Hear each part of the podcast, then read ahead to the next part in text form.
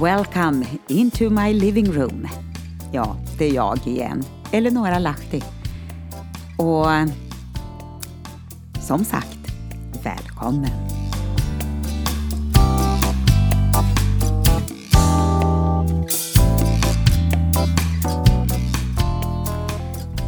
Året är 2020 och det talas väldigt många gånger just nu om vilka märkliga tider vi lever i.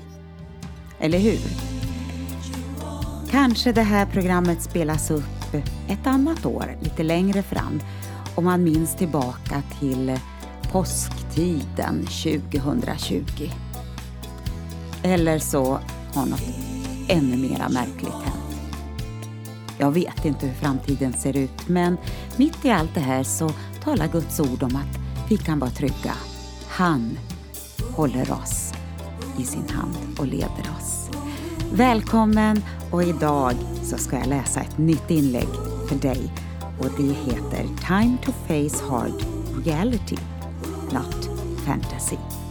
Men eh, det handlar, eh, eller jag läser på svenska. Varmt välkommen!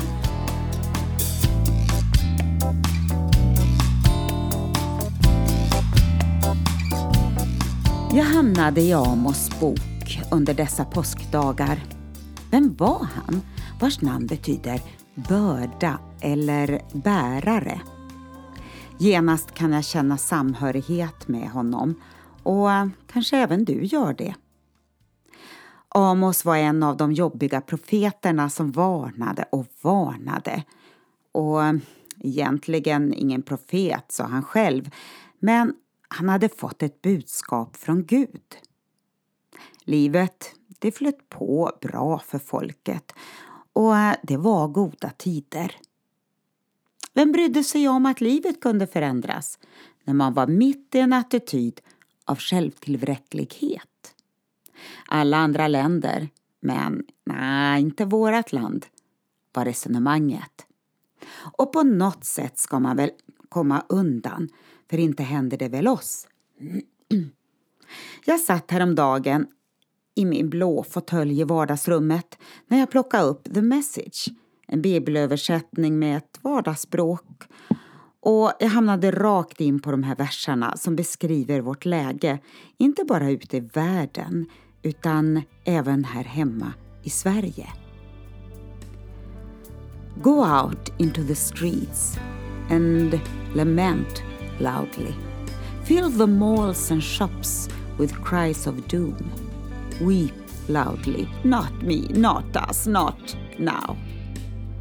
Empty offices, stores, factories, workplaces.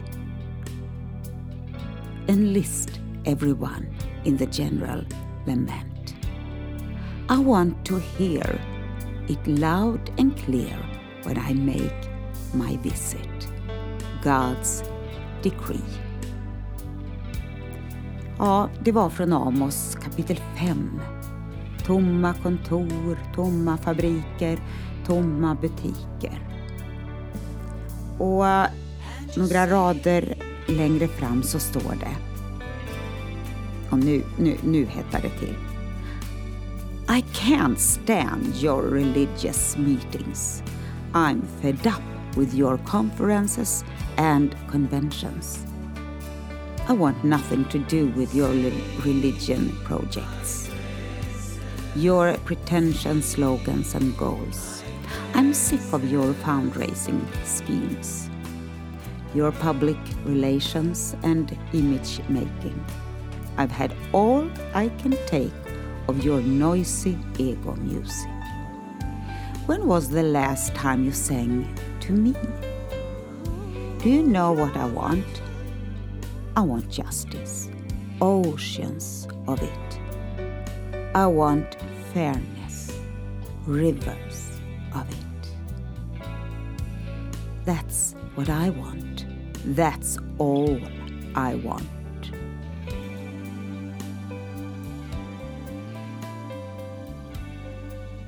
Är det mer viktigt hur andra uppfattar oss än att eh, vi är uppriktiga även i våra tvivel? Spelad tro och överlåtelse. Nej, det fungerar inte. För att inte tala om alla projekt. I allt det här känner jag bördan, tyngden, för den tid vi är mitt uppe i. Vi kan inte längre gå tillbaka där vi var för ett par månader sedan, utan eh, vi måste se vad som gäller nu. Har vi blivit vägd på en våg och befunnen för lätt? Låter vi Guds ord vara vårt rättesnöre även på de obekväma områden som tidsandan frimodigt förespråkar? Sverige, vars nationalsymbol är trygghet och alla sociala försäkringar med både en hängslen och livrem, har nu börjat tappa sin gloria. Och vi ser ett moraliskt förfall och eh, en religiös ihålighet. Och Amos ord ekar ända in i vår tidsålder. Och ändå har ni inte vänt om. Och ändå har ni inte vänt om. Ja, är det självsäkerhet och brist på gudsfruktan? Hur återvänder vi när dödens svepning vill omsluta jorden? Bibeln talar om nådens och bönens ande. Guds ande vill överbevisa oss om synd, hans rättfärdighet och dom, men i allt det här uppenbara vem Jesus är. Problemet är att man i många sammanhang har ja, typ avskaffat synden. Ja, då finns det ingen nåd. Fantasivärlden vaknar upp till en hård verklighet.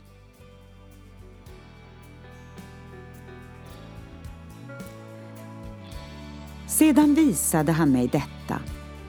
Herren stod vid en mur som var byggd efter en lodlina och han kontrollerade den med lodet för att se om det lutade. Och Herren sa till mig Amos, vad är det du ser? Jag svarade ett, ja, ett lod. Och han svarade Jag ska pröva mitt folk med ett lod. I Amos 7, vers 7 och 8.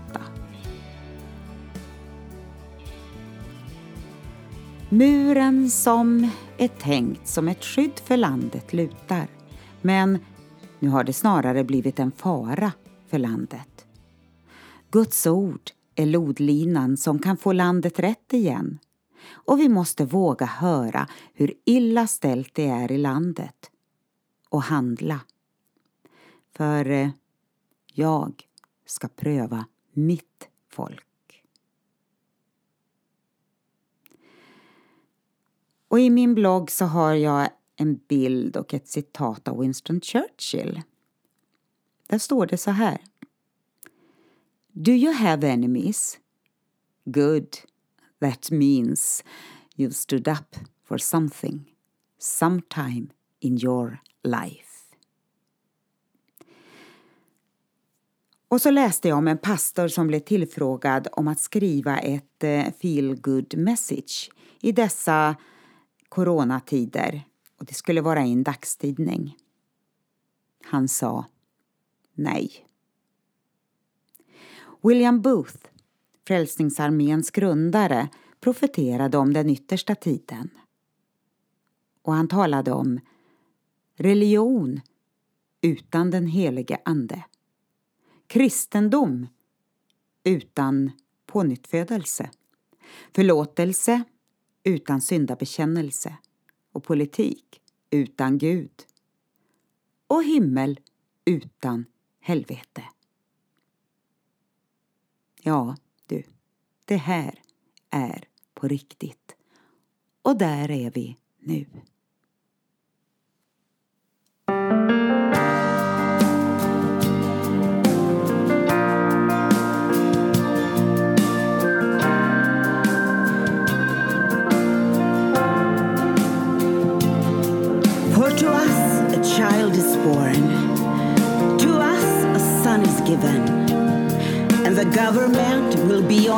sorry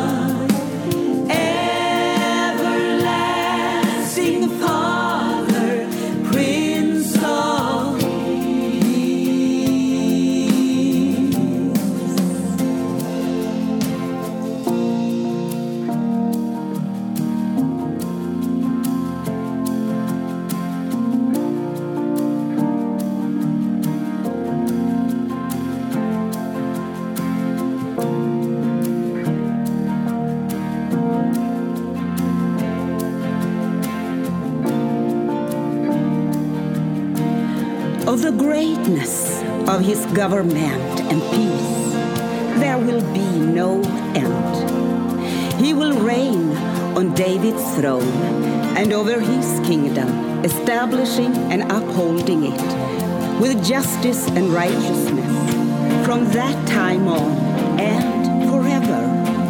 The seal of the Lord Almighty will accomplish